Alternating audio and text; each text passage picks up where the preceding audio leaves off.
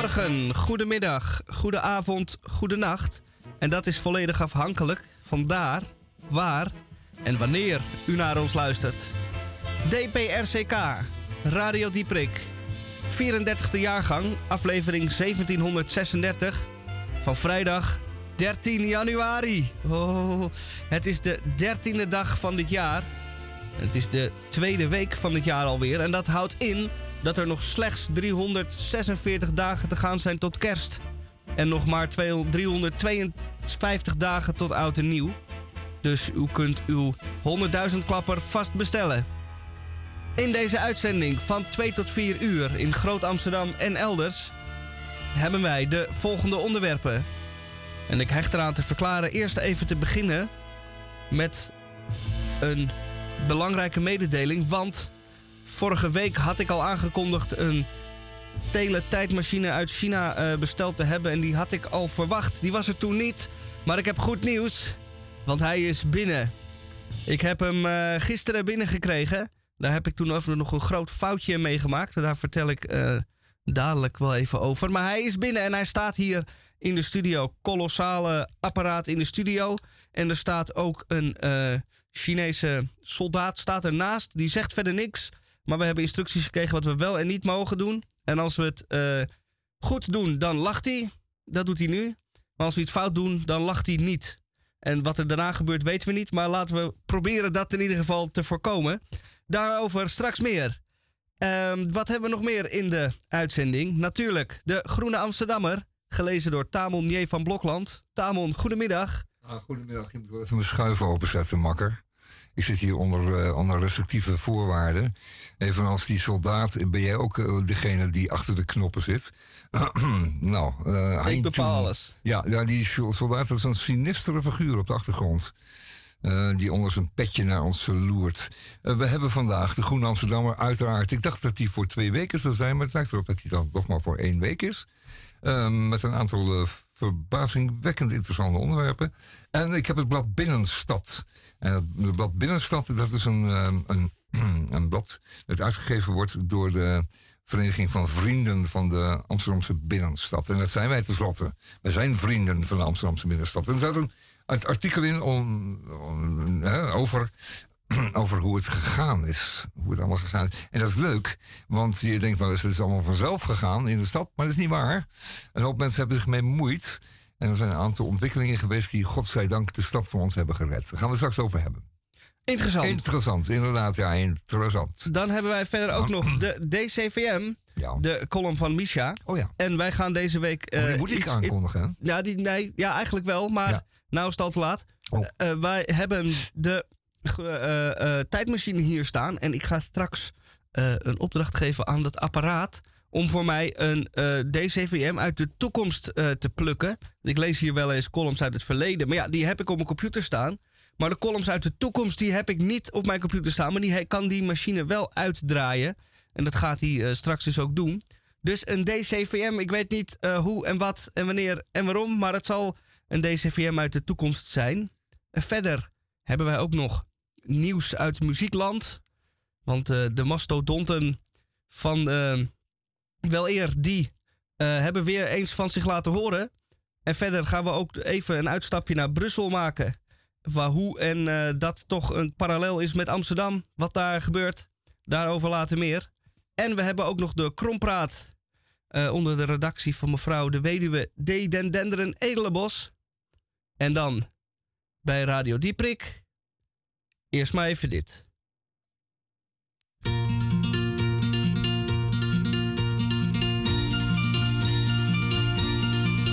Zo te sterven op het water met je vleugels van papier.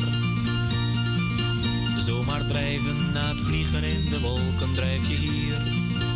Met je kleuren die vervagen zonder zoeken, zonder vragen eindelijk voor altijd rusten. En de bloemen die je kust, de geuren die je hebt geweten, alles kan je nu vergeten. Op het water vlieg je heen en weer. Zo te sterven op het water met je vleugels van papier. Als een vlinder die toch vliegen kan tot in de blauwe lucht als een vlinder altijd vrij en voor het leven op de vlucht. wil ik sterven op het water, maar dat is een zorg van later. Ik wil nu als vlinder vliegen op de bloemenblaren vliegen. Maar zo hoog kan ik niet komen, dus ik vlieg maar in mijn dromen. Altijd ben ik voor het leven op de vlucht. Als een vlinder die toch vliegen kan tot in de blauwe lucht.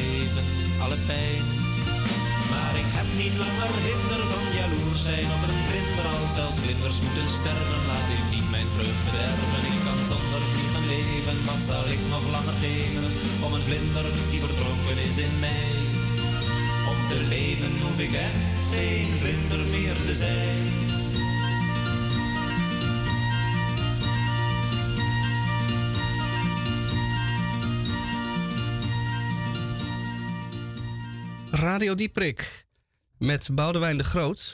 En eh, ik wil even eh, eh, sorry zeggen namens mij voor de gebeurtenissen gisteren. Oh, Want u heeft. uitgefrozen? Nou, ik kreeg dus. u heeft waarschijnlijk wel gezien dat het gisteren zeer on, fijn, onprettig weer was. Windstoten en regen. Ja. En ik ben daar een klein beetje schuldig aan. Oh, kijk, dat is interessant, ja. Ja, want ik kreeg dus namelijk die eh, tijdmachine binnen. Oh, Die werd eh, geleverd. En toen dacht ik, ik ga eh, zoals ik ben, trek hem meteen uit de doos. Heb hem eh, eh, uitgepakt, in het stopcontact gedaan en aangezet. Maar wat heb ik nou vergeten te doen? Ik heb de gebruiksaanwijzing niet gelezen. Dat moet je natuurlijk wel doen. dat doen mannen nooit. Nee, dat moet je Nee. natuurlijk wel doen. Want, wat was ik vergeten? Ik was het compressie tijdsvacuumfilter vergeten erop te zetten. En als je hem dan aanzet, Ja. dan ontstaat er een eh, klein eh, zwart gat. Ja. Eh, bij mij. Een mini-cycloontje Ja, een mini-cycloontje in, Ja. de, in de woonkamer. Ja. En daar eh, hebben we allemaal eh, plezier van gehad. Gelukkig is het hersteld. En zodoende staat hier dus de Chinese soldaat. Want die, ja, ze vertrouwen me niet Nee, meer. nee, nee, en terecht. Ja, ja, terecht. Zullen En we hem anders even... op, op jaar nul zetten. Hè? Jaar nul, de geboorte van Christus altijd eerst op nul gezet worden. Eerst op nul zetten. Zullen we hem anders even, zullen we hem anders even aanzetten? Ja, ja, dan, ja kunnen we kijken wat er gebeurt. Ik heb er nou dus nog geen. Eh, ehm, oh. oh. ja, dat krijg je altijd eerst, ja.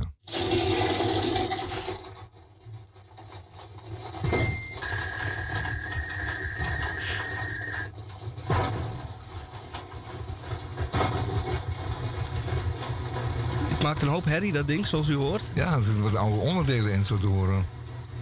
Ja, nou, hij draait nu. En hij staat nu eh, gewoon op 2023. Ja. Dus nu eh, komt er nog niks, eh, niks ouds of nieuws uit. Maar dan gaan we dan in de loop van de uitzending gaan we hem wat instructies geven. Om hem. ja, ik vind vooral de toekomst wel spannend. Want het verleden, dat hebben we natuurlijk al achter ons liggen. Maar de toekomst is nog ongewis. En als je dan even een klein kijkraampje kan openzetten om eh, de toekomst in te kijken, dat zou heel fijn zijn. Dat gaan we straks eens even doen. Het klinkt een beetje als een, soort eh, werkspoordiesel. eh.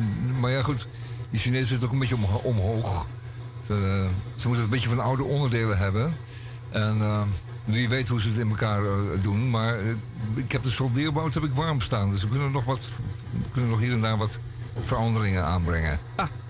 Dat Oh, is mooi. Er Ja. kwam iets uit. Oh, oh, Oh, kijk.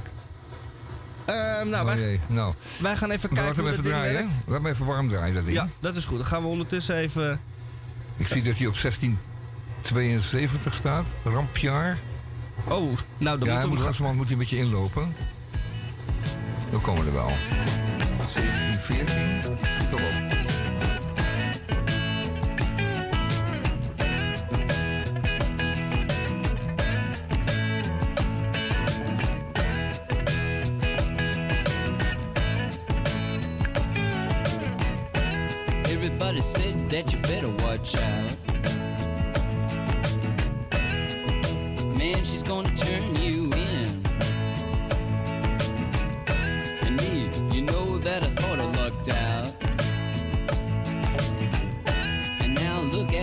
trouble that I'm in.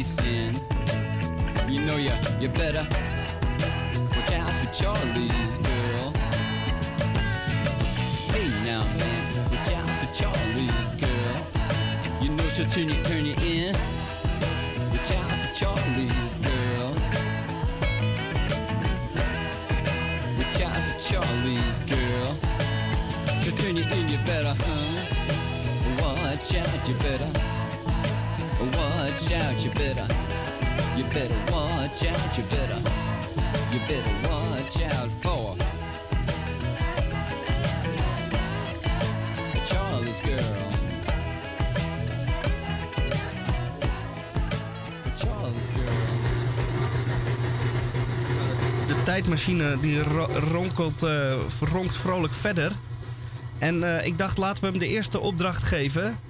De muziek van de toekomst. Want dat is wel eh, interessant. Hoe de muziek er nou, in de toekomst uit zal komen te zien. Nou, zal hem even vragen erin stoppen. En dan hopen we dat er vlug wat uitrolt krijgen we een antwoord of eh, niet. Eh, even kijken.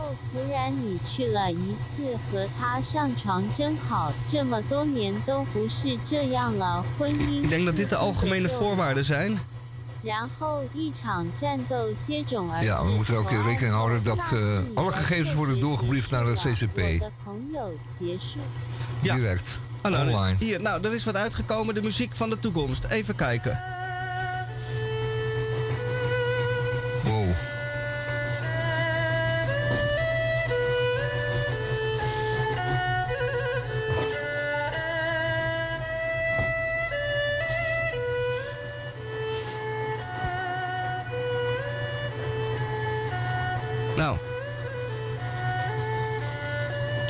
Misschien dat in bepaalde delen van de wereld dit eh, de muziek van de toekomst zal zijn. Ik vind het erg tegenvallen. Ja, het is een lekker deuntje voor op de dansvloer, jongens, dit. Hè?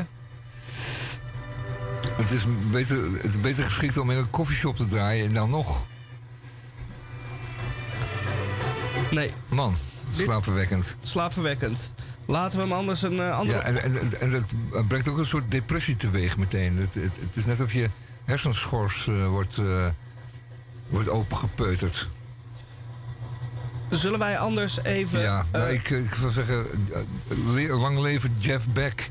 is een beetje overleden, maar niettemin. ja, die is Wat mij betreft blijft hij eeuwig leven. uit de categorie... Uit de categorie onmisbaar. uit de categorie alle 13 eh, Dood. dood. Daar eh, gaan we straks zeker nog wat van draaien. Eh, ik krijg opeens een idee. Want het is om en nabij kwart over twee. En dan bent u van ons gewend de Groene Amsterdammer te, te horen. En die is ook gisteren braaf op de mat bij Tamel gevallen.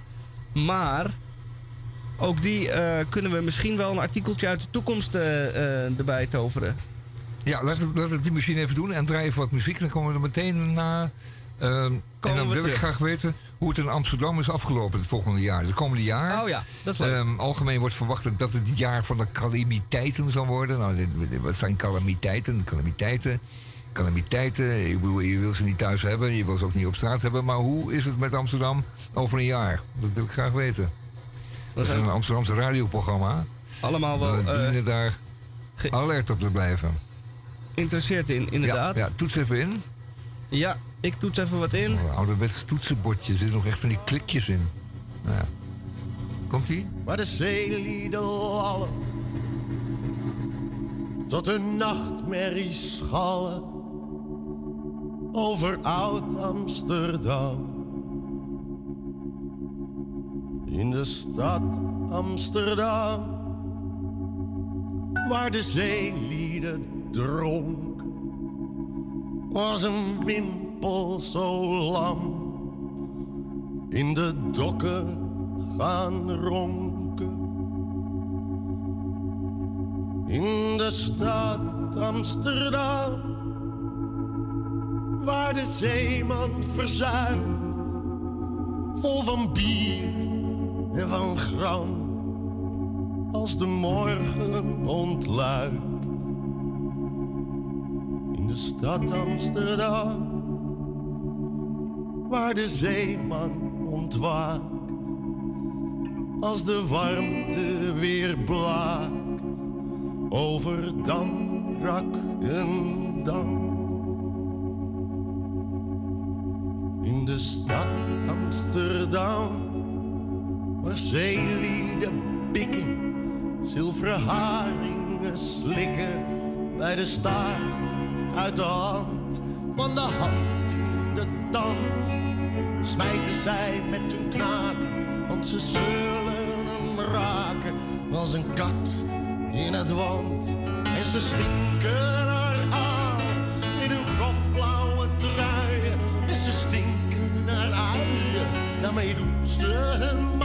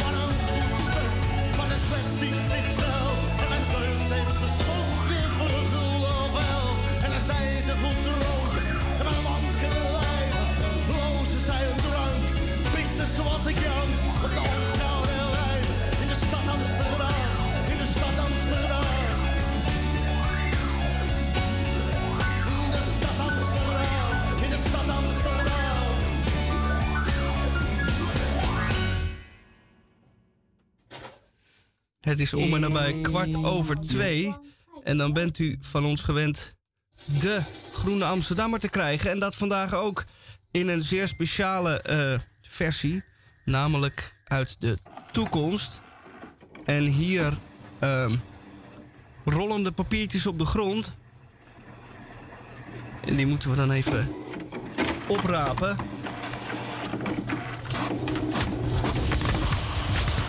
Kijk, Ja.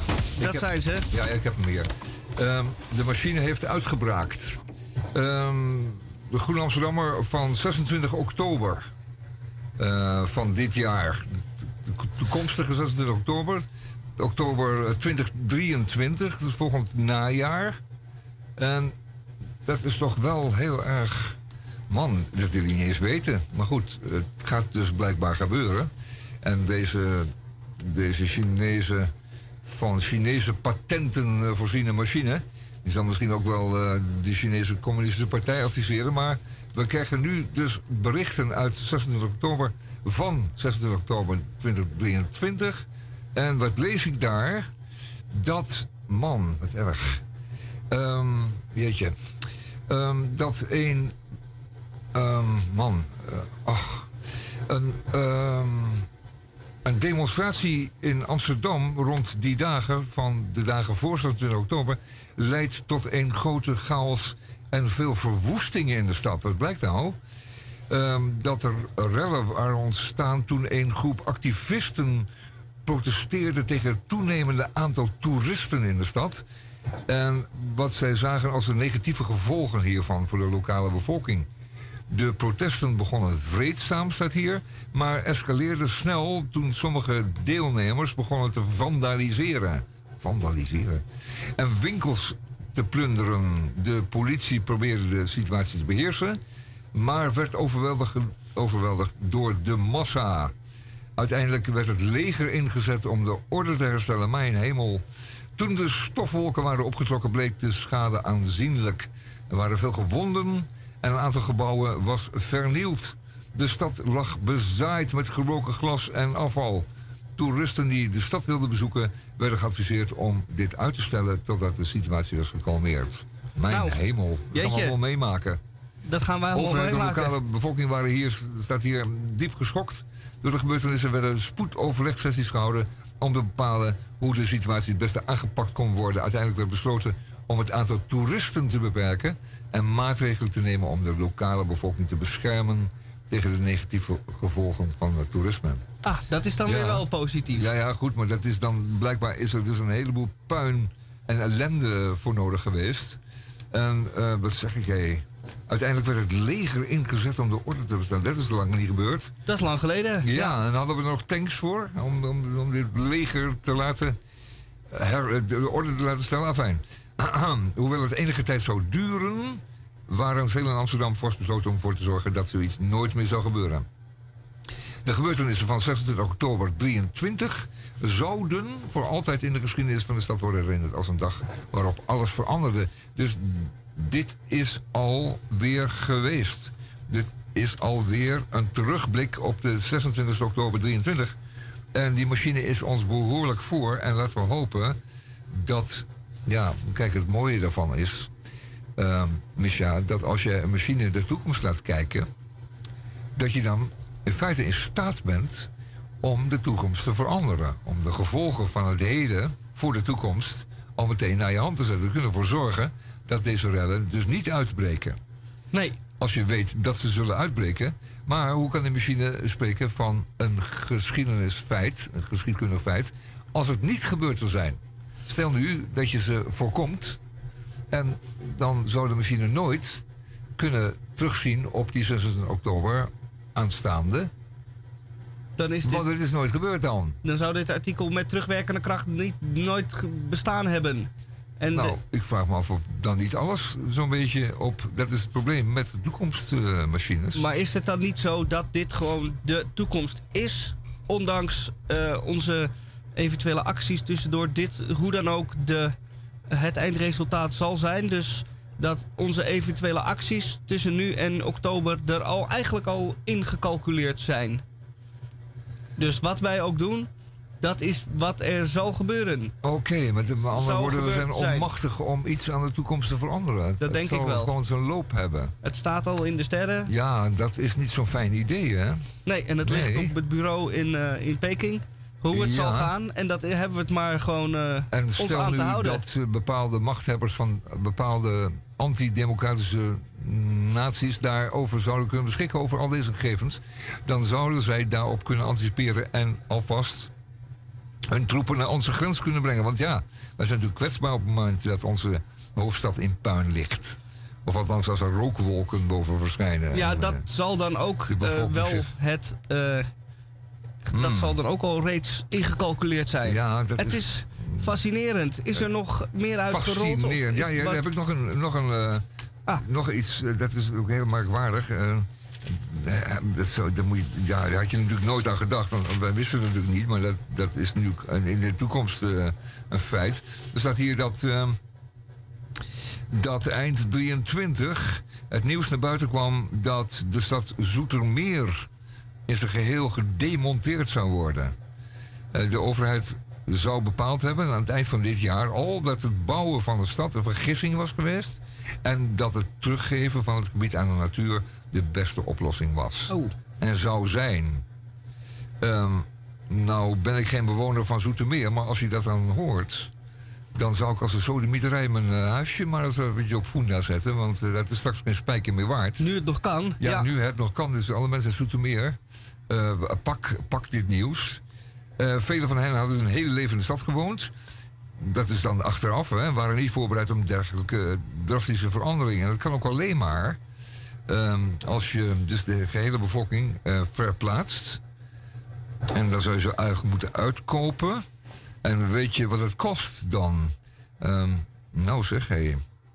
Uiteindelijk werd het werk voltooid en werd het gebied teruggegeven aan de natuur. Dat is dan wel een mooi stukje omgeploegd eh, Maar wacht even. Dus, dus polderlandschap. eh, de stad Zoetermeer wordt gedemonteerd Ja. en teruggegeven aan de natuur. Nou ja, de rest er niet van. Maar het wordt dan volkomen leeggehaald. En dan wordt er weer gras gezaaid, zou je kunnen zeggen. Want dat was voorheen ook gewoon een polder. Dus eh, een kwestie van sloten graven en eh, gras zaaien. En dan zou het allemaal weer voor, als voorheen moeten zijn. Ben jij wel eens in Zoetermeer geweest? Ah, jawel. Ja. Ik niet. Ik, Ik heb vele ik- keren ook langs gereden. is het me daadwerkelijk eh, dusdanig eh, niet de moeite waard dat het een goed idee is dat, ze hem, dat het gedemonteerd gaat worden? Wordt? Zou moeten worden, stel Zou je moeten worden. Ja, dat is een eh, vraag die, eh, die moet je niet aan de Soedermeerder stellen.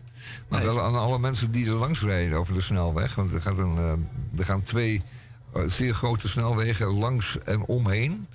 De weg van Amsterdam naar Rotterdam en de weg van Den Haag naar, naar Utrecht. De grote snelwegen die gaan er omheen en doorheen. En dan krijg je een mooie blik op Zoetermeer. En dan denk je, ja, het is volkomen kunstmatige stad. Dat komt omdat Zoetermeer nooit een, ehm, een, stad is geweest. Het was altijd maar een dorpje die uiteindelijk zijn naam gaf aan de grote stad Zoetermeer. Maar Zoetermeer is nooit iets anders geweest dan een, eh, een bijverschijnsel, een neveneffect van, eh, van Den Haag. Niet waar? En eh, Den Haag moest ergens naartoe met zijn mensen. Met zijn bewoners. En dat is Zoetermeer geworden.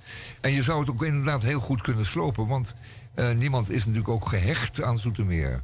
Het is niet zo dat mensen dan eh, zich van verdriet het haar uit de hoofd trekken. Zo van, Nee, je kunt ook- de, kle- de kleren Je kunt ook in een andere gemeente naar het winkelcentrum. Dat hoeft niet per se in Nee. eh, Zoetermeer. Dat kan En ook je kunt gewoon eh, overal. waarschijnlijk Zoetermeer gewoon eh, zorgvuldig uit elkaar nemen. En het elders weer neerzetten. Of in stukjes. Dat is helemaal stukje- mooi. Dat je het als puzzel uit elkaar haalt. En dan Eh, ergens ja. anders weer het, eh, Ja. opnieuw opbouwt. Dat Ja, zou er fantastisch in ieder zijn. geval geen woonruimte verloren gaat. Dat je het gewoon verplaatst.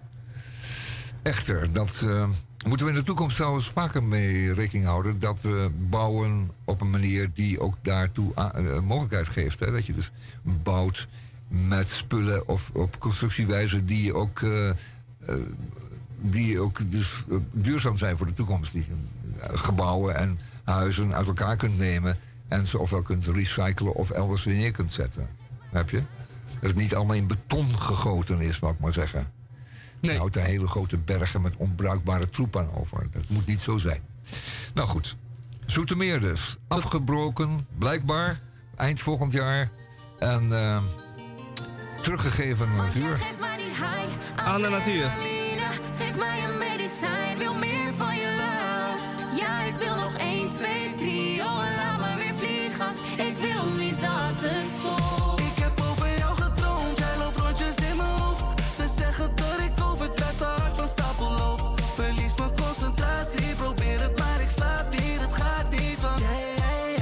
jij bent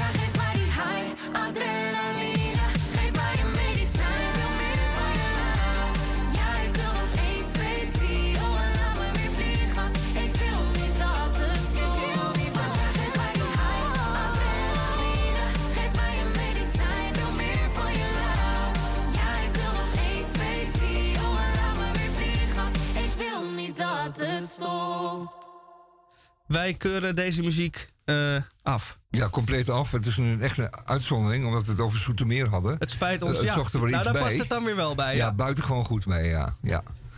Ja, het is net als je in een nieuwbouwwijk in Zoetermeer staat... en dan dit op je koptelefoon krijgt... en dan denk je, waar leef ik eigenlijk voor? Dat vroeg... eh nou, fijn. Ja, nou ja. Laten we een vlucht van de. Ja, ik heb, Dan komen we eh, in een tamelijk sombere stemming terecht. Ik Dat heb kan ook eh, niet de bedoeling zijn. de tijdmachine ook even Ja. gevraagd om iets uit te printen. En ehm, ik heb even met natte vingerwerk een datum in de toekomst gekozen. Vrijdag 23 juni 2023. En ik heb gevraagd hem eh, de tijdmachine een column te laten draaien die ik dan zal voorlezen. Eh, eh, de column uit de toekomst dus. Ik ben erg benieuwd. Ik heb hem hier voor me, het papiertje. En eh, ja, er wordt nog een tweede papiertje ook uitgeprint. Ja, en nu is hij uitgeprint. Om het zo maar te zeggen. En dan ga ik even... Ik pak hem even. Ja, Ik heb nog wel. pak, ja, pak jij hem ja. even tevoorschijn? Ja. Dat is- dat is- Geef maar, ja. Heel goed. Dan ga ik hem even voorlezen. 2023. Ik zet even de tijdmachine uit. Zo. Na wederom een overweldigend succesvol optreden in een uitverkocht carré gegeven te hebben, zit ik te wachten in een gewone taxi op de parkeerplaats naast het theater. De limousine, waar ik normaliter mee word opgehaald, staat op dit moment voor onderhoud bij de fabrikant in Duitsland, omdat de ledverlichting in de jacuzzi stuk is. Ik wacht op mijn chauffeur, die waarschijnlijk nog staat te kletsen in de foyer. Dat doet hij wel vaker. Omdat het een zwoele zomeravond is, zit ik met het raampje open te genieten van de rust. De rust wordt echter snel verstoord door een onverlaat die luidkeels over straat schreeuwt.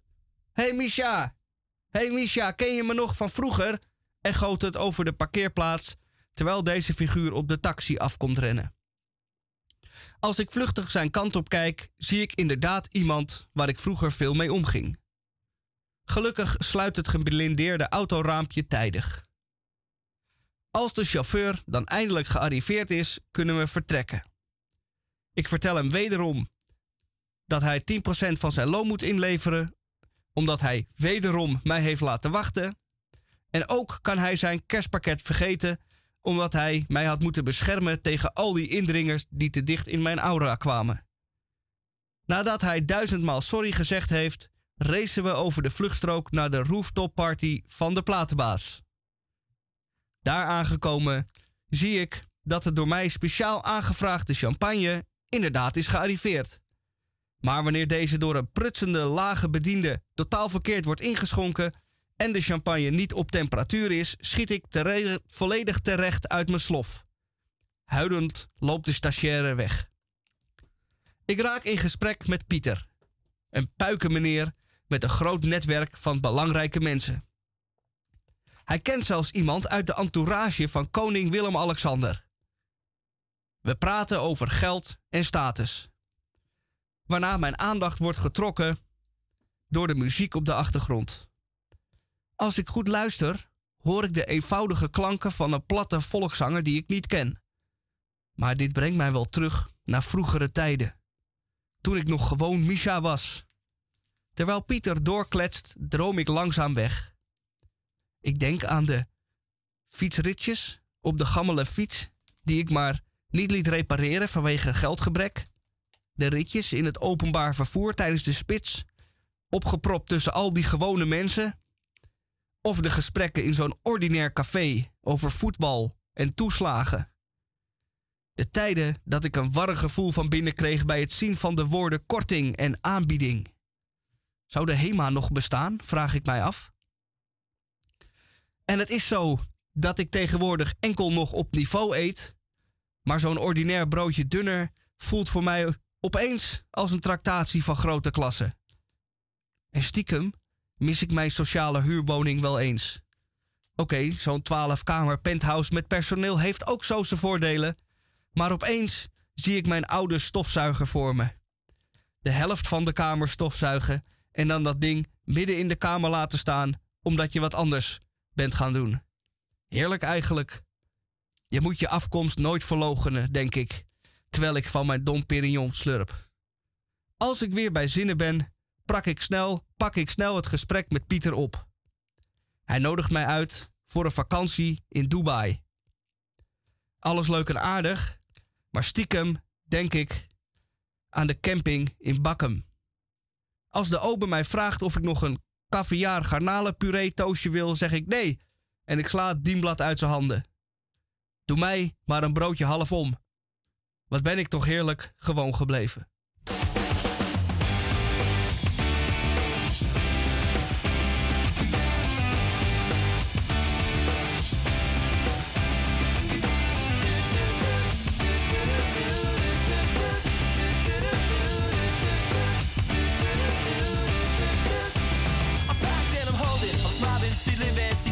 she lives for me. Says she lives for me, ovation. Who want motivation? She comes out and she goes down on me.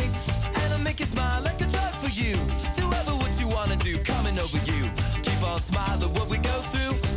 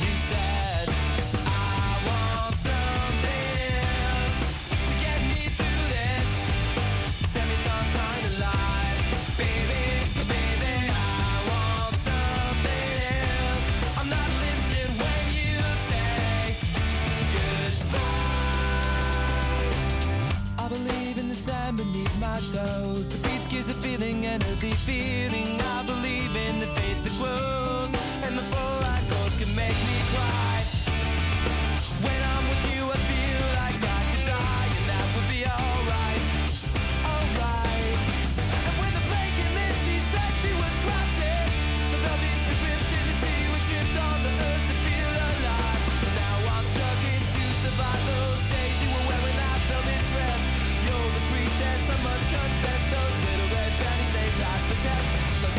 belly face down on the mattress. One.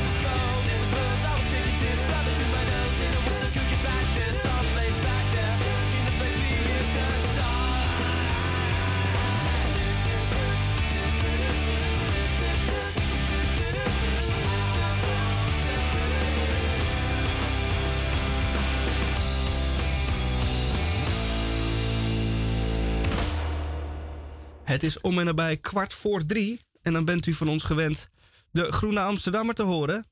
U krijgt nu de eh, huidige versie. Ja, de, de huidige. Dus die gistermorgen bij mij op de mat viel met een eh, daverende klap. Hij heeft tegenwoordig een eh, papieren hoesje. Nou, dat is allemaal niet zo belangrijk. Um, Groen Amsterdam van deze week. Uh, knijterlinks blad natuurlijk, want anders was u het niet tenslotte. Um, het gaat over van alles, natuurlijk de huidige en de actuele zaken. het is altijd van een week, een week nieuws achteraf. Hè, met enige vooruitblik natuurlijk, want de Groen Amsterdam zal ook voor het aanstaande jaar iets ehm, hebben bedacht. En enige, enige gedachten hebben gehad over hoe het zal gaan. Maar het wordt algemeen door de columnisten en de schrijvers van de Groen Amsterdammer. Wordt het jaar 23 gezien als een uh, jaar waarin zich wel enige calamiteiten kunnen voordoen. Het wordt zelfs een calamiteitenjaar genoemd. En dat is natuurlijk niet fijn om te melden aan u op vrijdag de 13e. Dat zit al niet mee. En wellicht uh, heeft u al wat voorbodes gehad in de vorm van een salarisstrookje of anderszins. Wat een tikje tegenviel of het aantal rekeningen op uw mat. Maar goed, calamiteitenjaar, laat het woord maar nu eens voor altijd niet meer gebruiken. Dat is gewoon klaar mee. Ik ben er al meteen, al meteen mee, helemaal gereed mee. Um, het gaat over de bleke tussenpaus. Ja, dat is een stuk over, uh, van Anne Bromberg over uh, Jozef Raatzinger. Um, er zijn een aantal pauzen geweest die... Uh, in afgelopen jaren speelt nog altijd een rol, hè, zo'n paus. Zo'n paus is de baas van de miljard gelovigen. Dat moet je, niet onder, moet je niet onderschatten. En er zijn natuurlijk heel wat gelovigen bij die echt behoorlijk conservatief zijn. Hè, die van, van aard, van huis uit. Die zijn tientallen jaren, zo niet honderden jaren. Uh, zijn die die onder invloed gestaan van alle papen. Van pastoors en kapelaans en uh, missiepaters en nonnen en uh, god weet wat. En er zijn natuurlijk nog. En er zijn natuurlijk nog wat van die instituten die een invloed hebben kunnen doen gelden op die, al die katholieke nette mensen. Um, in heel veel landen, namelijk Filipijnen, maar ook Zuid-Amerika. Dus, uh, ja, nou goed, dan weet je het wel, een miljard bij elkaar. En zo'n paus is dan van groot politiek belang, hè, want de paus die gaat bepalen wat de moraal zal zijn. En waar men zich aan heeft te houden. Nou, valt het met de huidige paus, paus weer reuze mee, maar die daarvoor die Raatzinger die heeft het dus ook niet, was er dus ook niet ingeslaagd om de, de misbruiken en de wantoestanden die in de katholieke kerk waren ontstaan gedurende de jaren om die aan te pakken. Een interessant stuk over uh, pausen, Rome en de politiek uh, van, uh, van Anne Bramberger in de Groene Amsterdam van deze week. Nou, is het bombarderen van burgers, en dat is natuurlijk een ontzettend klote verhaal, is het bombarderen van burgers een irrationeel ding? Is dat irrationeel? Is, dat, is het iets wat, wat als het ware uit de klauwen gelopen is, nooit de bedoeling is geweest? Is dat, eh, heeft, dat, heeft dat gunstige gevolgen voor het oorlogsverloop of voor het verloop van een veroveringsoorlog? Nou, is de conclusie van Simon van Teuten in de Groene Amsterdammer van deze week dat het helemaal niet irrationeel is. Het heeft allerlei rationele doelen. En die doelen zijn kei en spijkerhard. Maar die dienen wel ergens toe, al die bombardementen. En dat kunt u eigenlijk ook wel zelf bedenken. Daar heeft u meneer Van Teutem niet voor nodig. Want wat gebeurt er namelijk? De bevolking wordt helemaal gek geterroriseerd. En psychologie van de oorlog is natuurlijk een heel belangrijk ding. Je moet ergens voor gaan, met z'n allen. Of niet. Je moet in verzet. Of je moet in de aanval. En als je, dat, als je daarvan de rug gebroken wordt, dan uh, heb je je doel als agressor bereikt natuurlijk. Leest u dat in de Groene Amsterdammer van deze week? oh ja, dat is een fraai dingetje. Warmtenet. Nou, kan je je voorstellen, hè? we hebben in Rotterdam een enorme grote industrie en die genereert een heleboel warmte in de vorm van koelwater. Dat is warmte die aan koelwater is toegevoegd, aan water is toegevoegd. En dan krijg je warm water. wat zul je daarmee doen? Je kan het weg laten lopen in de zee. Of je kunt het ook naar Leiden of naar Den Haag vervoeren, waar de mensen hun huizen mee kunnen verwarmen. Goed idee?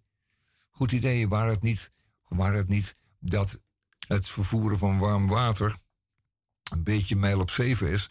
Omdat de enige toevoerder van de hitte.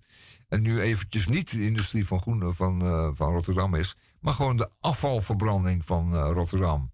Die staat er in zijn eentje die, eh, dat warm water te genereren. Wat dan helemaal naar Den Haag moet. Nou, dat is een, schandalig verhaal. Waar Den Haag als gemeenteraad en als gemeente dus helemaal niet aan wil.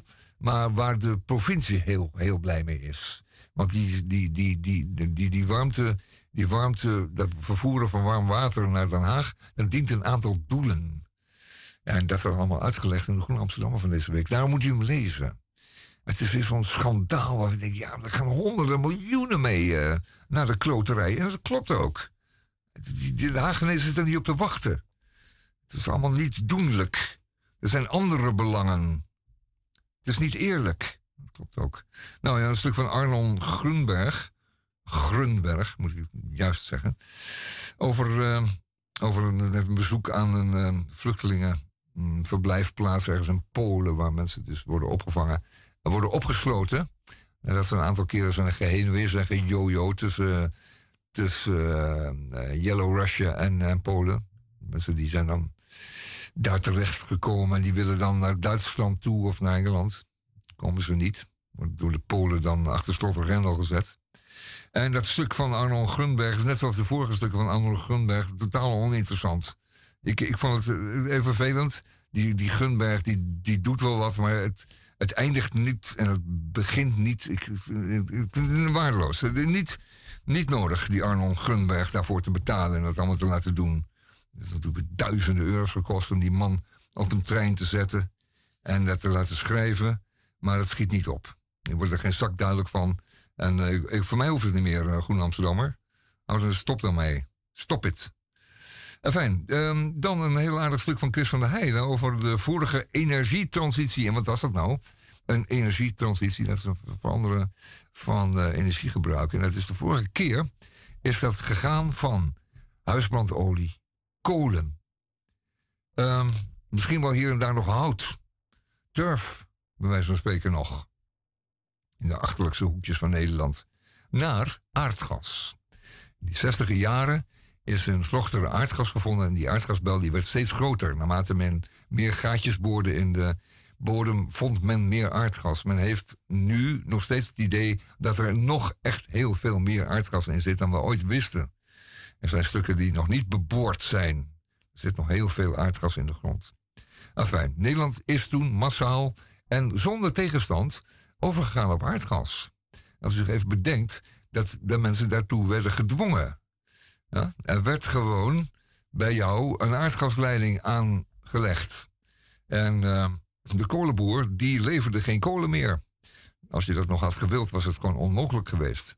Uh, u leverde geen, geen kolen meer, geen briketten, geen geperste turf meer. U kunt uw cv-installatie wel, die u had, die op eh, kolen dan wel eh, brand, huisbrandolie liep, brandde, die kon u wel wegflikkeren, want er was geen brandstof meer voor eh, aanwezig en te koop. Ehm, men is toen massaal op aardgas overgegaan. En eh, de mensen werden er voor het, eh, dilemma gesteld, voor, de, voor het blok gezet.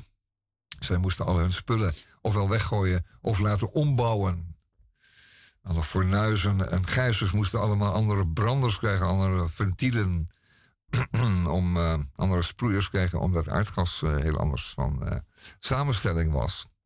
En branders moesten vervangen worden, enzovoort, enzovoort, enzovoort. Dat hebben mensen dat allemaal keurig gedaan. Niemand kwam in verzet. Massaal is dat opgevolgd, deze, op, deze oproep van de overheid. Gaat allemaal over op aardgas, dat is modern.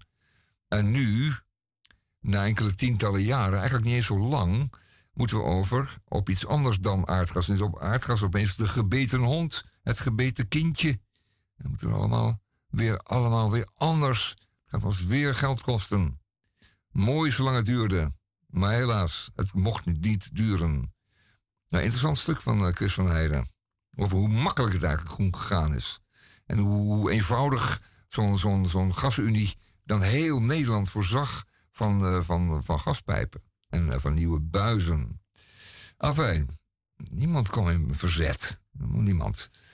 Ehm, ja, Tim Fransen schijnt een stuk het calamiteitperk. Calamiteitperk. Wordt dan genoemd het calamiteitperk. Dat zou een kromwoord Dat kunnen zijn van... Ja, calamiteitperk. Ja, Dat hadden wij bij Radio Dieper kunnen verzinnen. Ik heb een andere kromwoord op calamiteit. Ja. Maar dat hoort u in de tweede uur. Ja, het woord tijd is natuurlijk wel uitdagend. Want dat- heeft eh, Tim Frans al voor ons weggekaapt. Enfin, het, Het is me toch gelukt. En, eh leest u dat ook in de Groene Amsterdam? Ik ga het niet doen.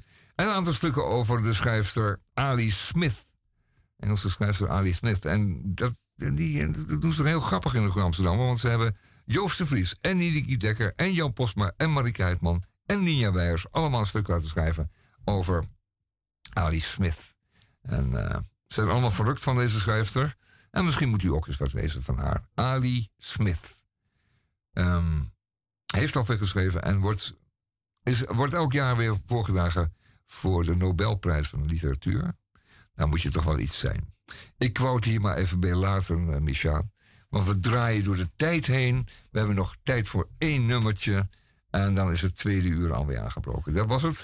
Goede Amsterdam voor deze week. En straks gaan we het nog eventjes hebben over het blad Binnenstad. Ook Ja. belangrijk. En dan gaan we het ook nog even hebben over Brussel. En Ah. over eh, muziek.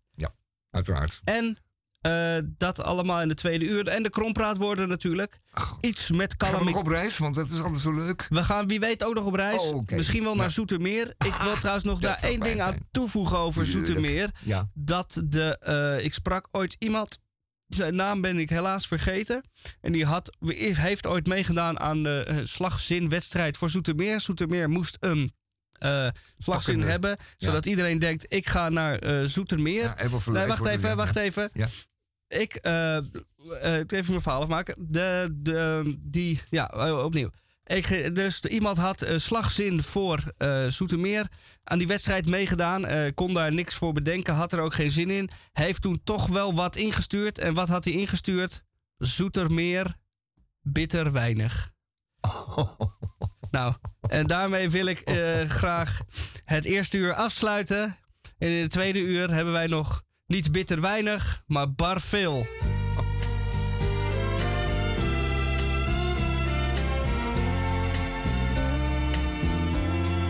Don't look so sad. I know it's over, but life goes on, and this old world will keep on turning.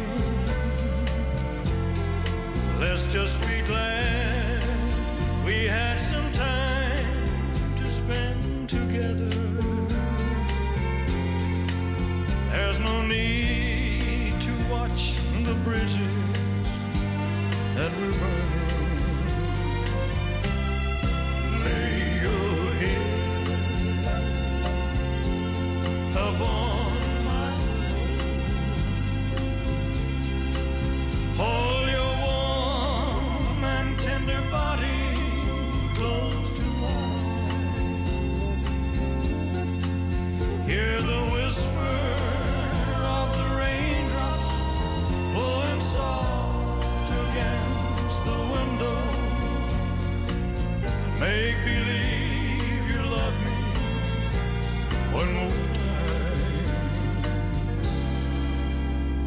for the good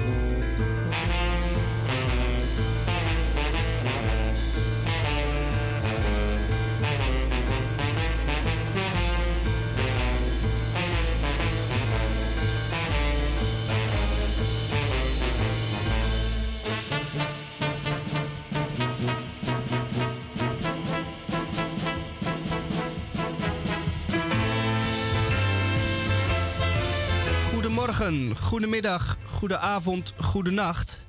En dat is volledig afhankelijk van daar, waar en wanneer u naar ons luistert. Dit is Radio Dieprik, aflevering 1736 van vrijdag 13 januari. Vrijdag de 13e, maar voorlopig loopt alles hier nog op rolletjes. Het is de 13e dag van dit jaar, tweede week, en het is alweer de nog maar 346 dagen tot kerst. Dus bestelt u maar vast de rollade bij de slager. Want voor je het weet is het al op. Wat hebben wij nog in de tweede uur? Sowieso de, sowieso de krompraat. Eh, twee woorden één. En we hebben hier weer een aantal woorden klaarstaan. Waaronder een woord met calamiteit erin. Verder ga ik nog even nieuws uit Brussel eh, voor u voorlezen. Wat ook eh, in Amsterdam eh, aan de orde is. De stadse problemen hier zijn dus niet uniek. Die, zelfs over de grens komt men hetzelfde tegen. Verder gaan wij nog eh, nieuwe muziek van oude muzikanten luisteren. U hoort het goed. Nieuwe muziek van oude muzikanten. En verder gaan wij wellicht ook nog een reis maken. Niet naar Zoetermeer, maar misschien naar het Zoetermeer van een ander land. Dat is misschien een leuke opdracht. Wat is het Zoetermeer van eh, nou, dat gaan we even kijken. We gaan eh, de Zoetermeren eh, op aarde bekijken. En dan bij Radio Dieperik. Eerst maar even dit. Hij staat in de sneeuw aan de poort van de stad en prikt de dagen van december op zijn hoed.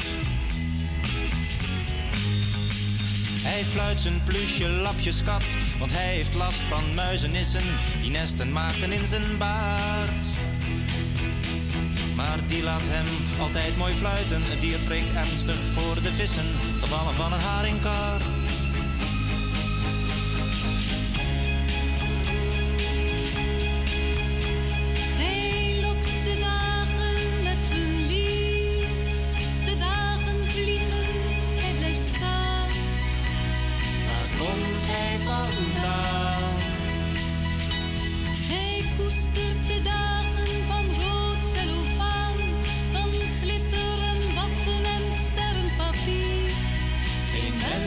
Mens kent zijn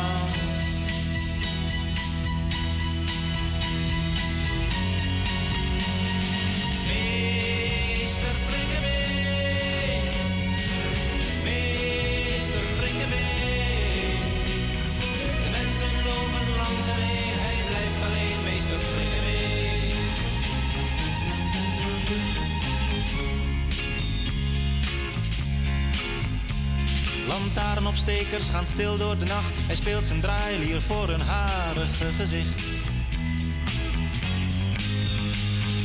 Slaap gerust, sluimer zacht. Een paladijn met zijn soldaten blijft even luisteren naar hem. Toch blijft zijn schotel leeg, ze lachen. Alleen een meisje blijft staan praten, een mager meisje van plezier.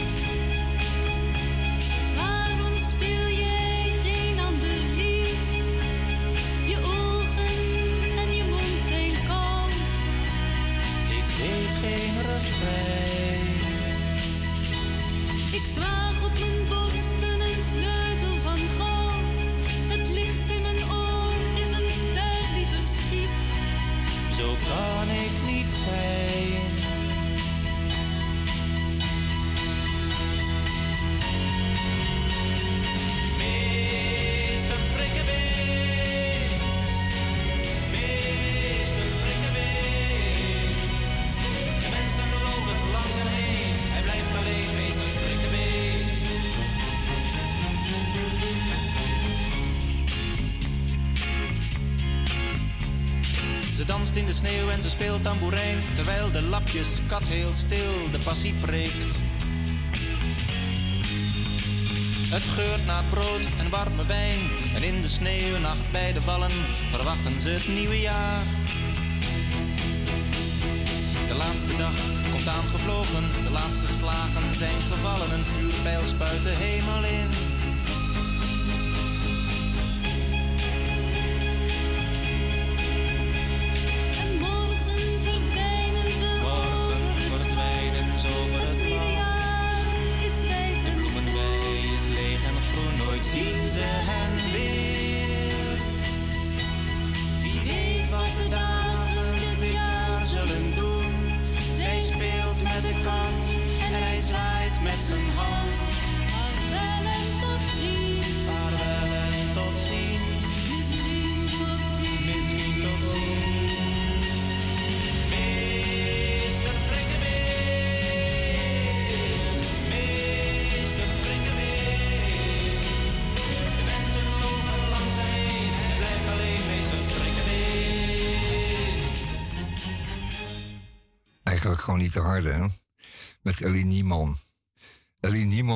Rickert Zuiderveld. Zo'n eh, zo'n dynamisch duo. Eh, Oké, goed. Eh, het wordt een beetje tijd om eens wat anders te doen.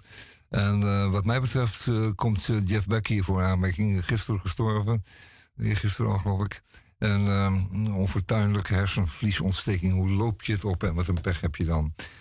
Eh, de man was verder gezond, heeft zich nooit zo eh, aan, heel veel aan, aan drugs gewijd als die andere boys dat hebben gedaan. Die hebben echt de duivel getart, maar dat heeft hij nooit gedaan. Netjes geleefd en eh, veel eh, muziek gemaakt. Eh, veel ook met anderen ook. En dat, maar dat neemt me altijd voor hem in. Eh, met Rod Stewart en je noemt het met Ozzy Osbourne en met, eh, met Buddy Guy en, en Stone en kortom heel, heel erg veel andere goede groepen gespeeld. Het is altijd mijn held gebleven, altijd geweest en altijd gebleven. Eh, dit vind ik een lekker nummer. Gaan we meteen even draaien. Um, Hi Ho, Silver Lining.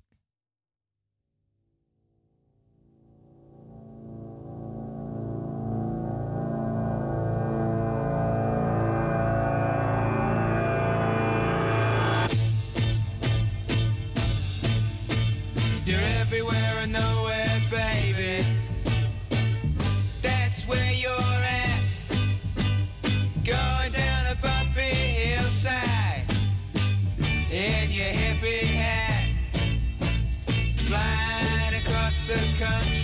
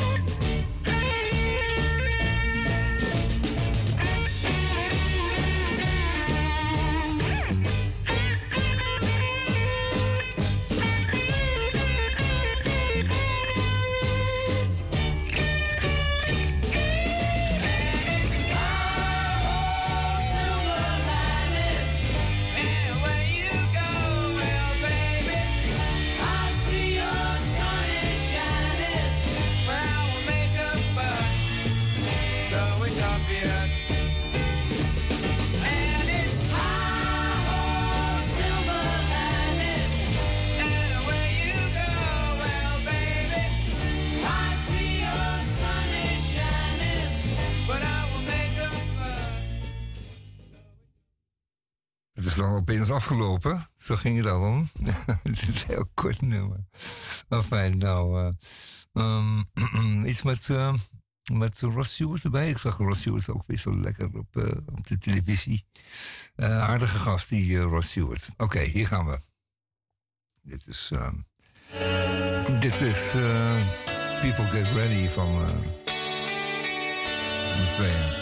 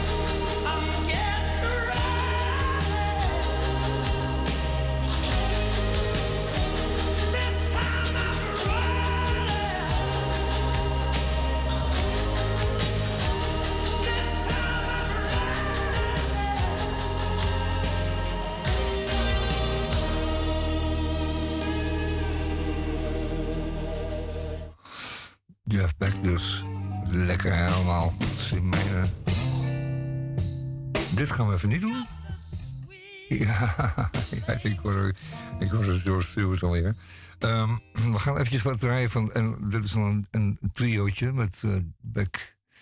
ehm, LP Beck Ola. eh, Sweet Little Angel. Ook, ehm, ook zoiets. Geniet u maar even.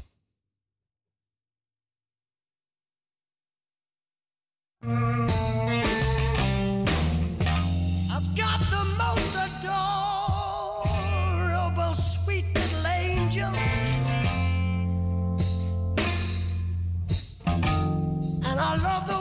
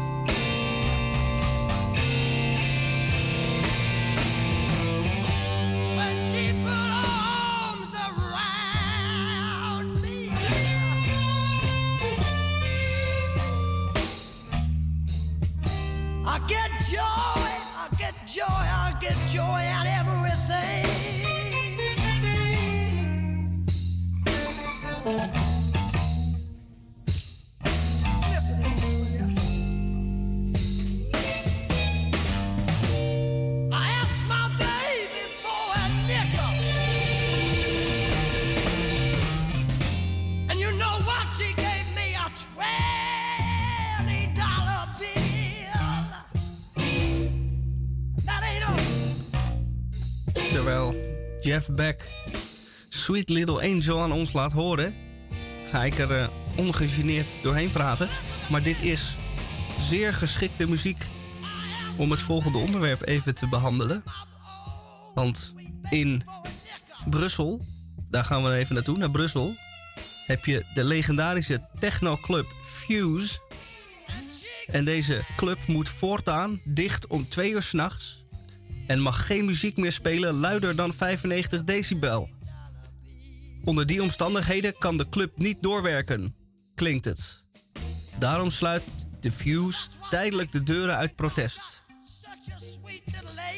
Ik heb eh, eh, liefhebbers en politici reageren verbolgen. Ik zal er alles aan doen zodat de Fuse zo snel mogelijk terug open gaat, belooft Brussel burgemeester Philip Klose. En wat wil nou het geval? Fuse has to close. Zo kondigt de Brusselse technotempel het nieuws aan via Instagram. Na 29 jaar heeft Fuse te horen gekregen van de geweststandsadministratie Leefmilieu Brussel dat de club voortaan dus om twee uur dicht moet. Klachten van een buurman over geluidsoverlast zouden aan de basis liggen van die beslissing. En laat die laatste zin even op u inwerken. Klachten van een buurman. Dus niet klachten van honderden, duizenden, miljoenen mensen. Nee, klachten van een buurman over geluidsoverlast. En dan zegt de welstandsadministratie, Leefmilieu, Brussel, commissie, weet ik veel. Die zegt dan, nou meneer buurman, u vraagt en wij, eh Wij draaien. niet langer. Ja. Nou. En dan moet je om twee uur dicht. En dat is twee uur kinderbedtijd eh, in eh, Clubland natuurlijk. Absoluut. dat staat helemaal Ja, nergens ja. op. En die 95 dB, ehm, dat is natuurlijk ook een zeer arbitraire zaak. Eh, het is zo dat eh, hele grote, hele hoge geluidsdruk natuurlijk echt problemen geeft met ieders oren. Maar 95 dB, dat is net te weinig. Dat is dan ook weer niks. 105 Nee. is te veel. En het gekke met de dB's, eh, met de decibellen.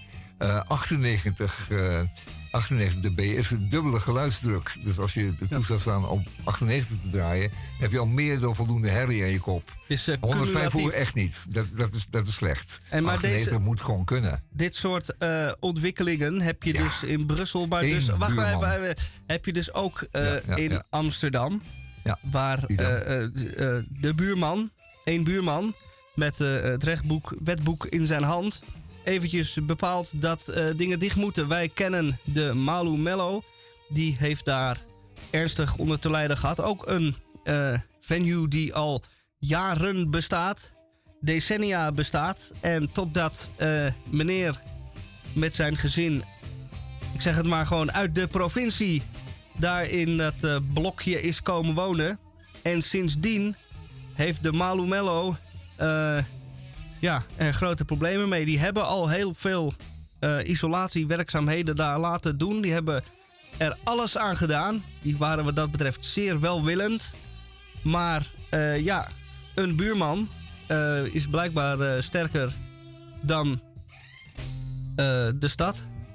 En zodoende kunnen wij in Amsterdam en dus ook in Brussel de boel gaan aanharken.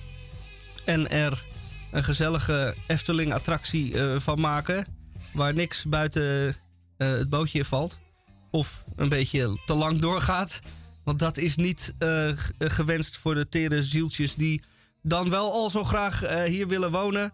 Maar dan moet het wel dezelfde dode rust als, nou zeg eens wat. Zoetermeer. Zoetermeer. Ja, geen betere plek kunnen bedenken hoe te hebben. Ja, ja, ja, ja. een pijnlijke en jammerlijke ontwikkeling. Ja, oh, dat is, eh, dat is ook zo. En je, je zou bijvoorbeeld de woningen rond Malumelo kunnen verkopen met, het, eh, met, het, met, de, met de aanmerking of met de opmerking dat er inderdaad een, eh, een club is en dat die eh, blijven spelen tot een uurtje of drie en dat er een live optredens worden gegeven en het wellicht niet geschikt is om naar je jonge gezin te huisvesten. Dat zou best eens kunnen. Maar zo is dat natuurlijk niet. En eh, Nee. zo is het in Brussel blijkbaar ook niet. Nee, heel jammer, heel jammer. Buitengewoon jammer, want ja, eh, er zullen mensen moeten wonen en er zal moeten worden uitgegaan. Hè?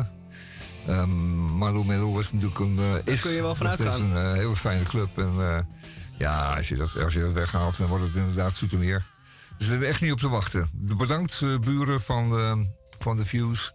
Dat hebben jullie goed gedaan. En daar is mee weer een stukje Brussel verdwenen. Goed, wat, wat, gaan we, wat kun je eraan doen? Niets, want je kunt het nooit. Je kunt, dit, soort, dit soort geluidsdruk kun je gewoon niet helemaal wegdempen. Dat kun je niet helemaal wegvangen. Dat is onmogelijk. Nee. Dat is onmogelijk. Je is zult altijd wat eh, blijven horen. Andere eh, buurvrouw, de 83-jarige Divina Goas, die zegt: Ik begrijp niet dat de klacht van één buur kan leiden tot de sluiting van zo'n grote discotheek. Ik woon hier al 58 jaar en ik heb nooit problemen gehad. Nee. Dus dat is dan. Was zo licht, ja. Dan kun je die, dit eh, weer afstrepen tegen die ene buurman, zou ik zeggen. En dan sta je weer op nul. Maar zo werkt het dus blijkbaar niet. Deze soort dingen die zullen steeds vaker voorkomen. Deze mensen hebben het recht inderdaad om, om bezwaar te maken tegen dit soort eh, geluidsoverlast als het zo wordt ervaren. Wat die ene mevrouw dus niet doet en die andere meneer wel. Een volstrekt subjectief gevoel. Je kan er last van hebben of niet last hebben. Je kunt het horen of niet horen. Nou, als je werkelijk geërgerd bent, dan hoor je echt alles. En eh, dan is er gewoon geen redden aan. Want je kunt, wat ik al, al, wat ik al zei, je kunt het bouwtechnisch nooit helemaal weg, eh, wegbergen. Dus lawaai. Je zult het blijven voelen. Over bouwtechnisch Horen. gesproken. Ja. Je bladert in een Ja. alleraardigst eh, boekje. Ja, dat is wat mijn, ik ook op de mat gekregen heb vanochtend. Werkelijk. Zeker. Deze. Die, ja. Ben je ook lid van, van de vereniging Vrienden van de Amsterdamse Binnenstad? Allemaal vrienden, ja. Werkelijk. Werkelijk. Nou, dat is toch wel bijzonder. Ik wist niet dat je dat eh, ook kreeg. Contributie van dit jaar nog niet betaald. Nee, 35 euro voor, eh, Ja. voor de gewone burger. Maar het is een heel fijn blad als je van Amsterdam houdt. Het zijn, eh, het zijn heel aardige stukken. Het gaat over, gaat over natuurlijk de historie van de Amsterdamse binnenstad. En heel veel mooie foto's altijd van Wim Ruigrok. En, eh, en goede stukken over eh, stukken Amsterdam waar je niet zoveel van weet. Maar waar je dan opeens weer een heleboel van weet. Over bijvoorbeeld de hoofdweg van, eh, van Thijs Weideveld.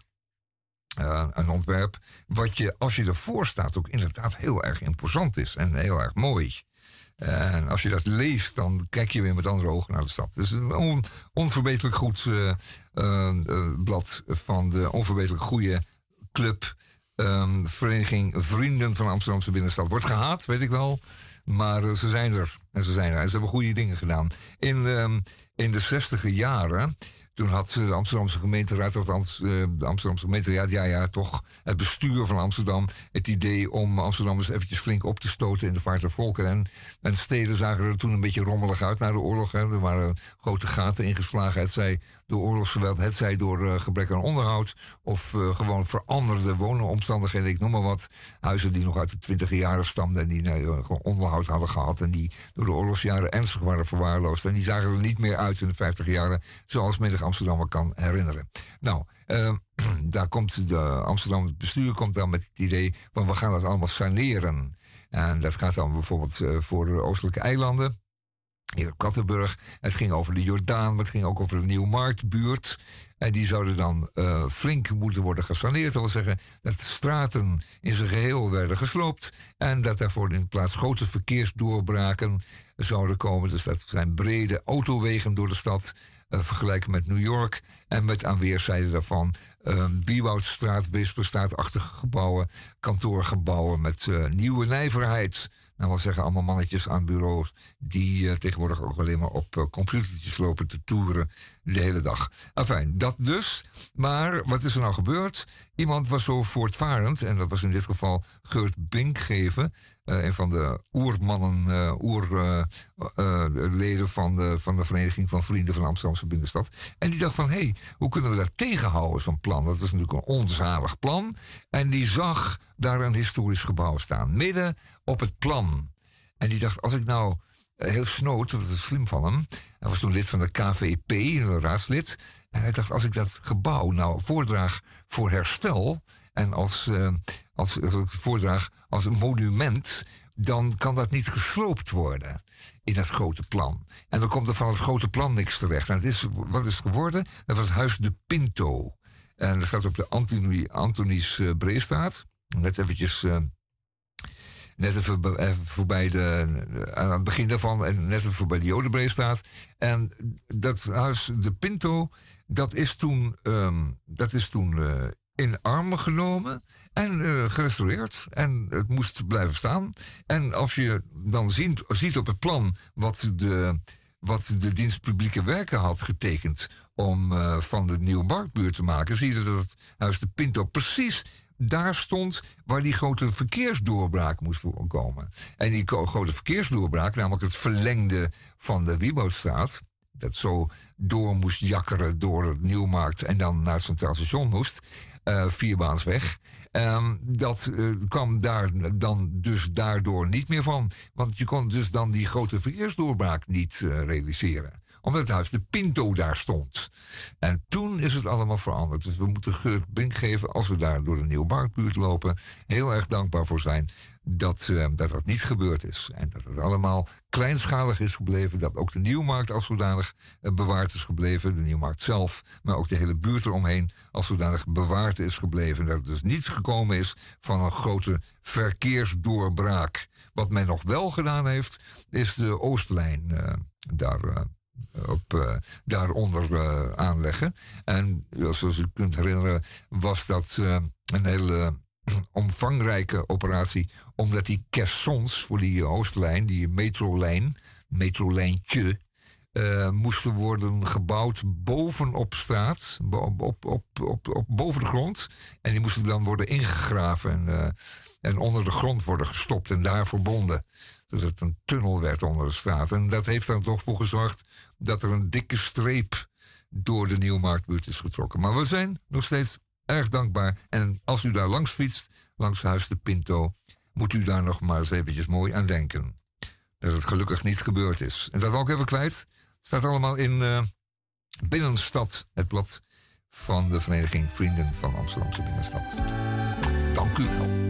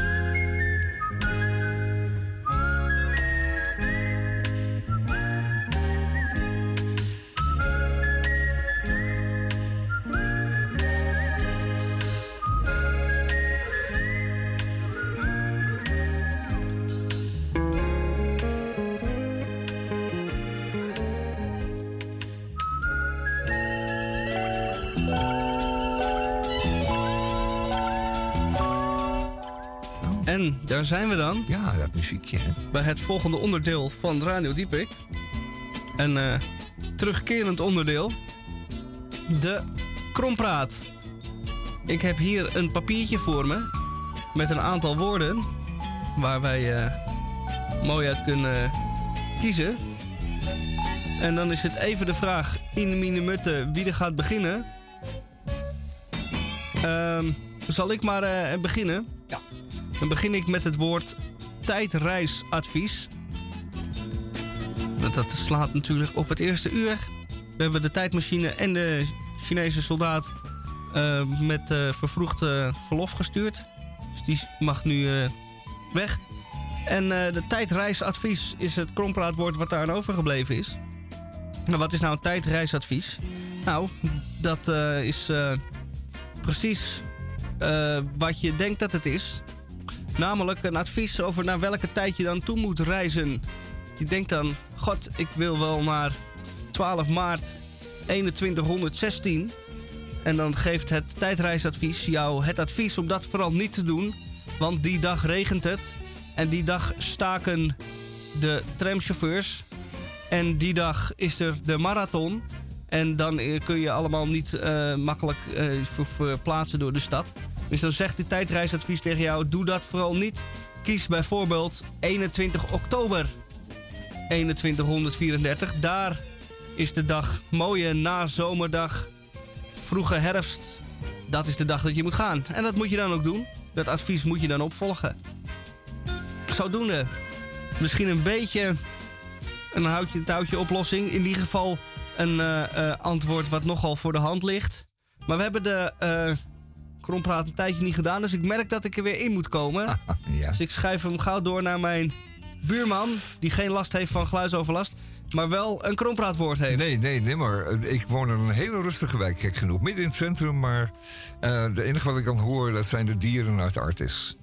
Eh, en dat is niet onaangenaam, moet ik zeggen. En dat is soms meer dan 95 decibel. Nou, dat weet ik niet, maar ja, apen in bomen die ruzie met elkaar maken... kunnen ook een hoop herrie geven, maar dat is geen onaangenaam geluid.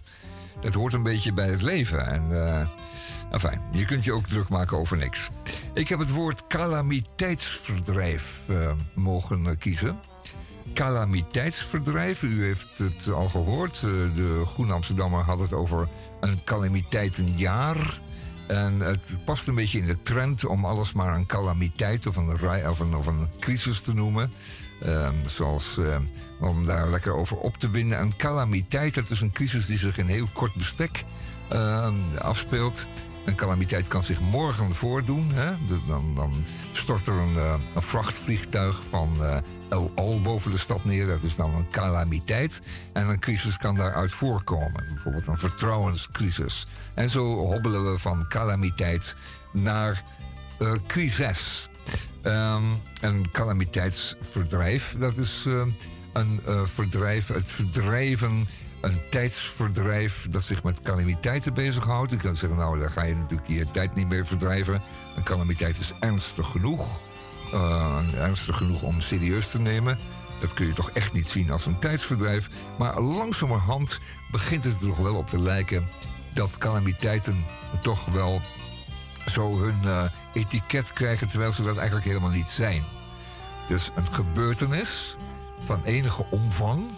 Het omhoog komen van een uh, tunneltoerit kan ook een calamiteit zijn. Op die manier kun je dus alles een calamiteit noemen. En dan is het uh, bedrijven van uh, calamiteitsverdrijven.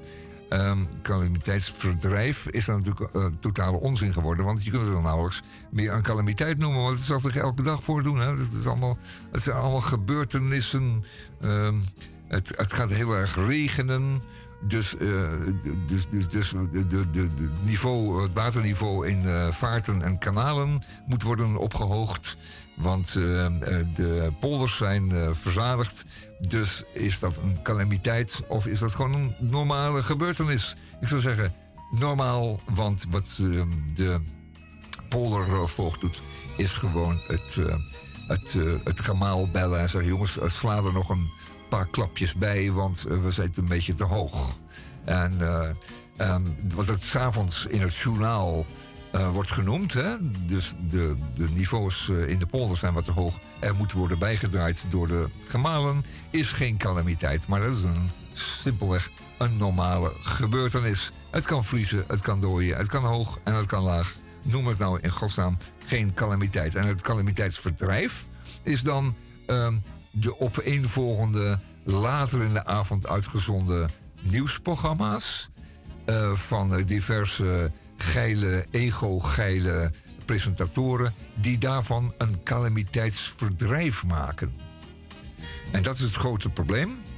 Um, iets wat nog daarvoor een enkele, een, een simpelweg een gebeurtenis was, wordt een tijdsverdrijf. Je gaat lekker even voor zitten. En je gaat me lekker laten voeren met andermans uh, opvattingen en opinies over dat die gebeurtenis die een calamiteit wordt en die dan uh, heel veel, uh, heel veel commentaar krijgt. De gebeurtenis wordt opgeblazen. Het wordt een tijdsverdrijf. Dat is een calamiteitsverdrijf. Alsjeblieft. Mooi. Doet mij ook denken aan uh, instantie, KNMI, die op een goed moment de, het weeralarm had geïntroduceerd aan de hand van kleuren. Groen is niks aan de hand. Geel is, oh, je moet al een beetje. En dan oranje en rood en zwart, dan is het afgelopen. Uh, en ja, zo'n instantie die zitten de hele dag duimen te draaien op hun burelen. En aan het burelen. En die denken dan, goh, morgen gaat het regenen en gaat het een beetje waaien. Hup, code oranje. En dan heb je inderdaad één dag, gaat het de hele dag over code oranje. En dan is het zover, dan is het die day. En dan waait het en dan vliegen de blaadjes door de lucht. En dan denken mensen op de fiets, goh, wat een uh, gure bedoeling. En dan gaan NOS-verslaggevers de straat op. En die gaan dan aan mensen vragen hoe zij code oranje ervaren. En die zeggen dan, nou dat valt wel mee. En dat was dan die day. En dan heb je de day after. En dan gaan we het nog de hele dag hebben over hoe het allemaal eigenlijk wel meeviel. En zo heb je weer drie dagen calamiteitsverdrijf. Ja, ook typische voorbeelden van calamiteitsverdrijf. En wat men dan doet is eh, de verzekeringsmaatschappijen bellen. Is er veel oh, ja. schade? Ja, er zijn tientallen miljoenen schade gemeld. Nou, dan weet ik ook natuurlijk wel een beetje een paar. Want als, je, als er een tak van een boom die te dicht bij jouw huis staat op jouw dak valt... dan is dat natuurlijk voor jou wel een calamiteit. En alles bij elkaar opgeteld zal het wel een, uh, reusachtige calamiteit worden. Maar het blijft natuurlijk gewoon iets wat er bij de risico's van het hebben van een boom vlak bij je huis hoort. En, uh, en storm, regen zijn wel een klein beetje Nederlands. Hè? Dus, uh, beetje wel. Om het allemaal calamiteiten te noemen. Ik lees net uh, Mijn hemel. weer dat er in Oklahoma ook mensen zijn overleden door wervelwinden.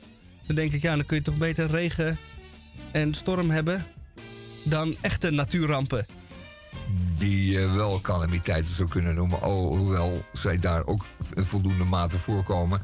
En dan zeg ik altijd: bouw je huis zo dat het blijft staan. Na een, uh, na een flinke wervelstorm. Na een windvlaag. Na een flinke orkaanwervel. Ja, precies. Nou, je ziet dan vaak dat uh, de Amerikaanse bouwwijze van, uh, van woningen. dat niet, daar niet tegen bestand is. En dat is gewoon een, een, een, hele slappe en waardeloze manier om huizen te bouwen. Dat kan ik u wel vertellen, want die waaien gewoon om. En ik heb dat dus ehm, allemaal bekeken deze keer dat ik in eh, New York was. En ik heb een aantal bouwplaatsen bezocht. En een aantal eh, gebouwen van binnen mogen bekijken.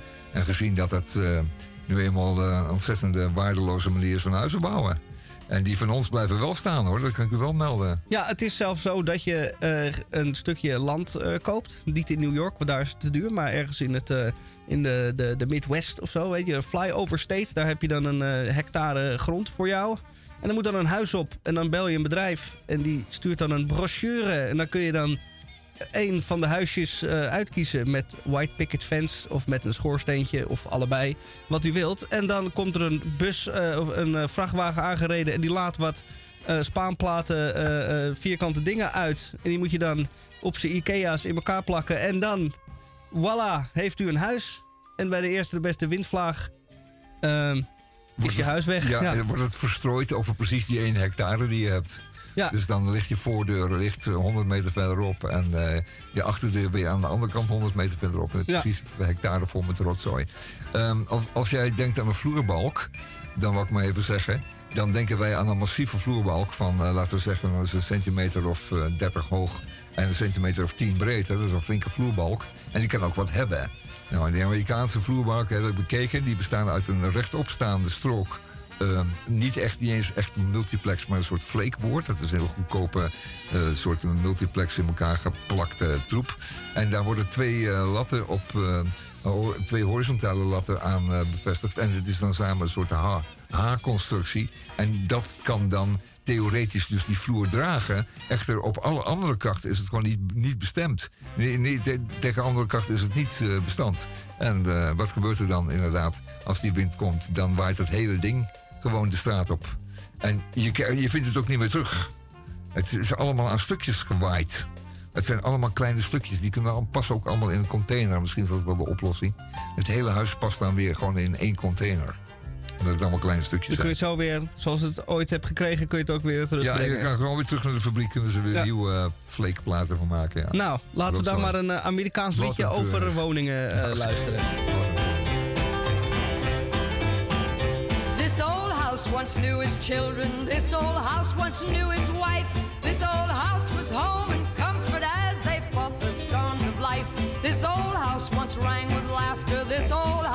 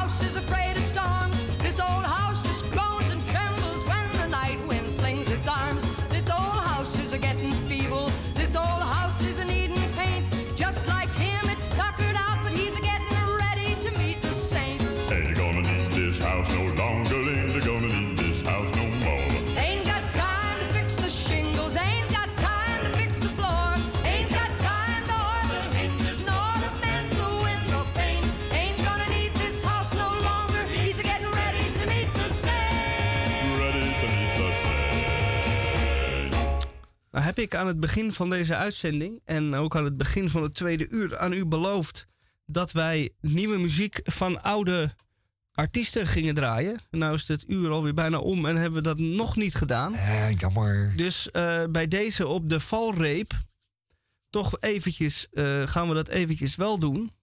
Want ik heb het hier over eh, de band genaamd De Zombies. U wel bekend, u wel bekend, deze band. De Zombies uit Groot-Brittannië. Amerikanen zijn het. Ja, oorspronkelijk, zo- eh, oorspronkelijk waren het wel Britten, geloof ik zelf. Waren zij niet de... Ik weet niet zeker. de, de derde band van. eh, oh nee, dat waren de Kings. Even kijken. Ja, uit het Verenigd Koninkrijk. Toch. Van origine. Van origine, hè? Ja, Ja. ze zijn uit Amerika gegaan. Zij waren actief eh, tot 1967. En dan denkt u, nou, daar zitten we wel enige tijd vandaan. Dat klopt. Maar deze heren dachten op latere leeftijd: van ja, nu zitten we dan uit het raam te kijken. En moet ik weer hetzelfde kletsverhaal van die bejaarden naast mij. En dan denken ze terug aan de tijd dat ze nog rock and roll Nou, deden. de gillende meiden. Ja, dachten ze laten we ons op de valreep in onze herfst van ons eh, leven dat nog even oppakken. En toen hebben ze dus eh, gisteren een nieuw nummer gereleased. Dropped, Reeling and Stupid. Ah.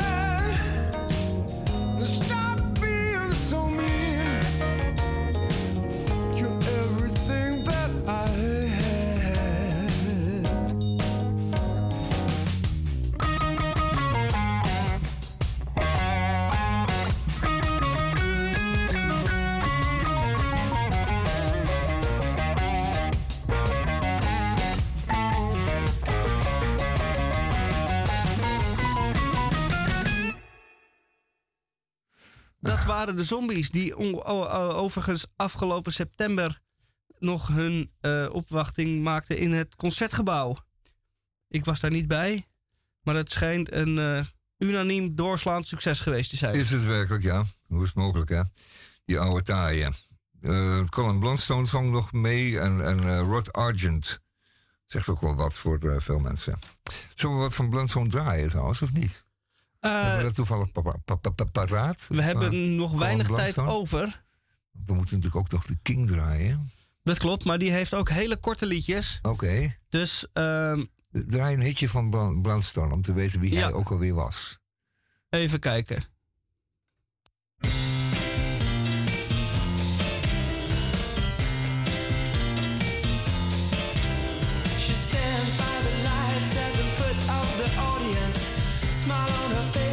Ik word hier teruggeroepen door... Ja, eh, teruggefloten word je. teruggefloten, want dit is Ja, geen nee, liedje. even- Ja, Eh, nou heb ik van deze artiest niet zoveel verstand. Dus weet ik niet wat ik moet kiezen. Oh, hier is... Ja, ja. Deze heeft veel luisteraars. Maar dit is dan wel weer een beetje... Geen lekker nummer om het, eh, om het weekend mee in te gaan. Nee. Nou. Doe dan die, die in daarvoor. Die, wat had je ervoor? Die ik ervoor had. Ja, ja, ja. Deze, ja. Ja, deze. Die. Ja.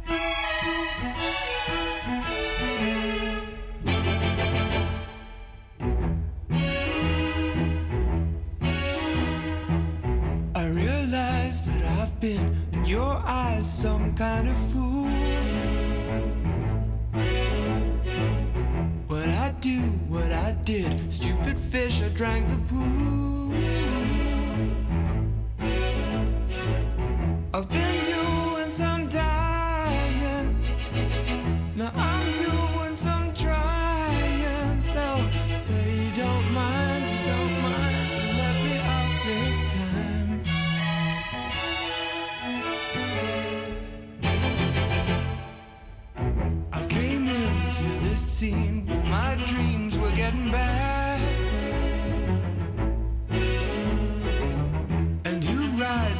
Tide who's glad with what it had? I've been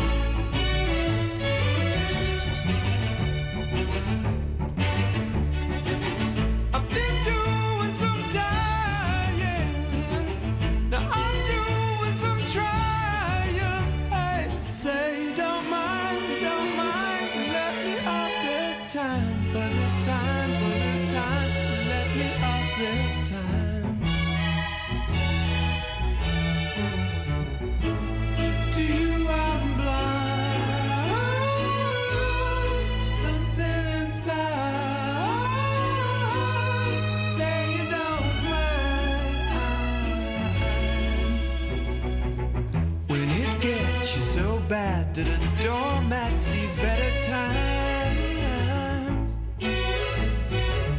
there's a time to get back, think up some better line. I've been doing some growing, but I'm scared of you going. So say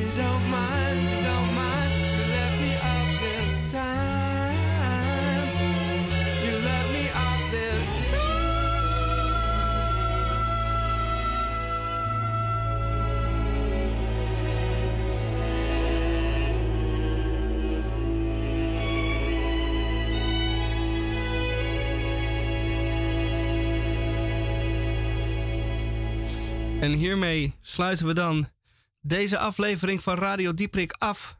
Aflevering 1736 van vrijdag de 13e. We hebben het overleefd. En we sluiten zoals iedere week ook deze week af met The King. Tot volgende week. Tot volgende week. Wearing skirts made of grass. Yeah, yeah, yeah, yeah. Brazilian beauties. Castilian cuties. Yes, yes, yes. From Manila. From Bali, Bali. Twisting every which way. Yeah, yeah, yeah. In tight sweaters. In short dresses. From the good old USA. I'm just a red-blooded boy.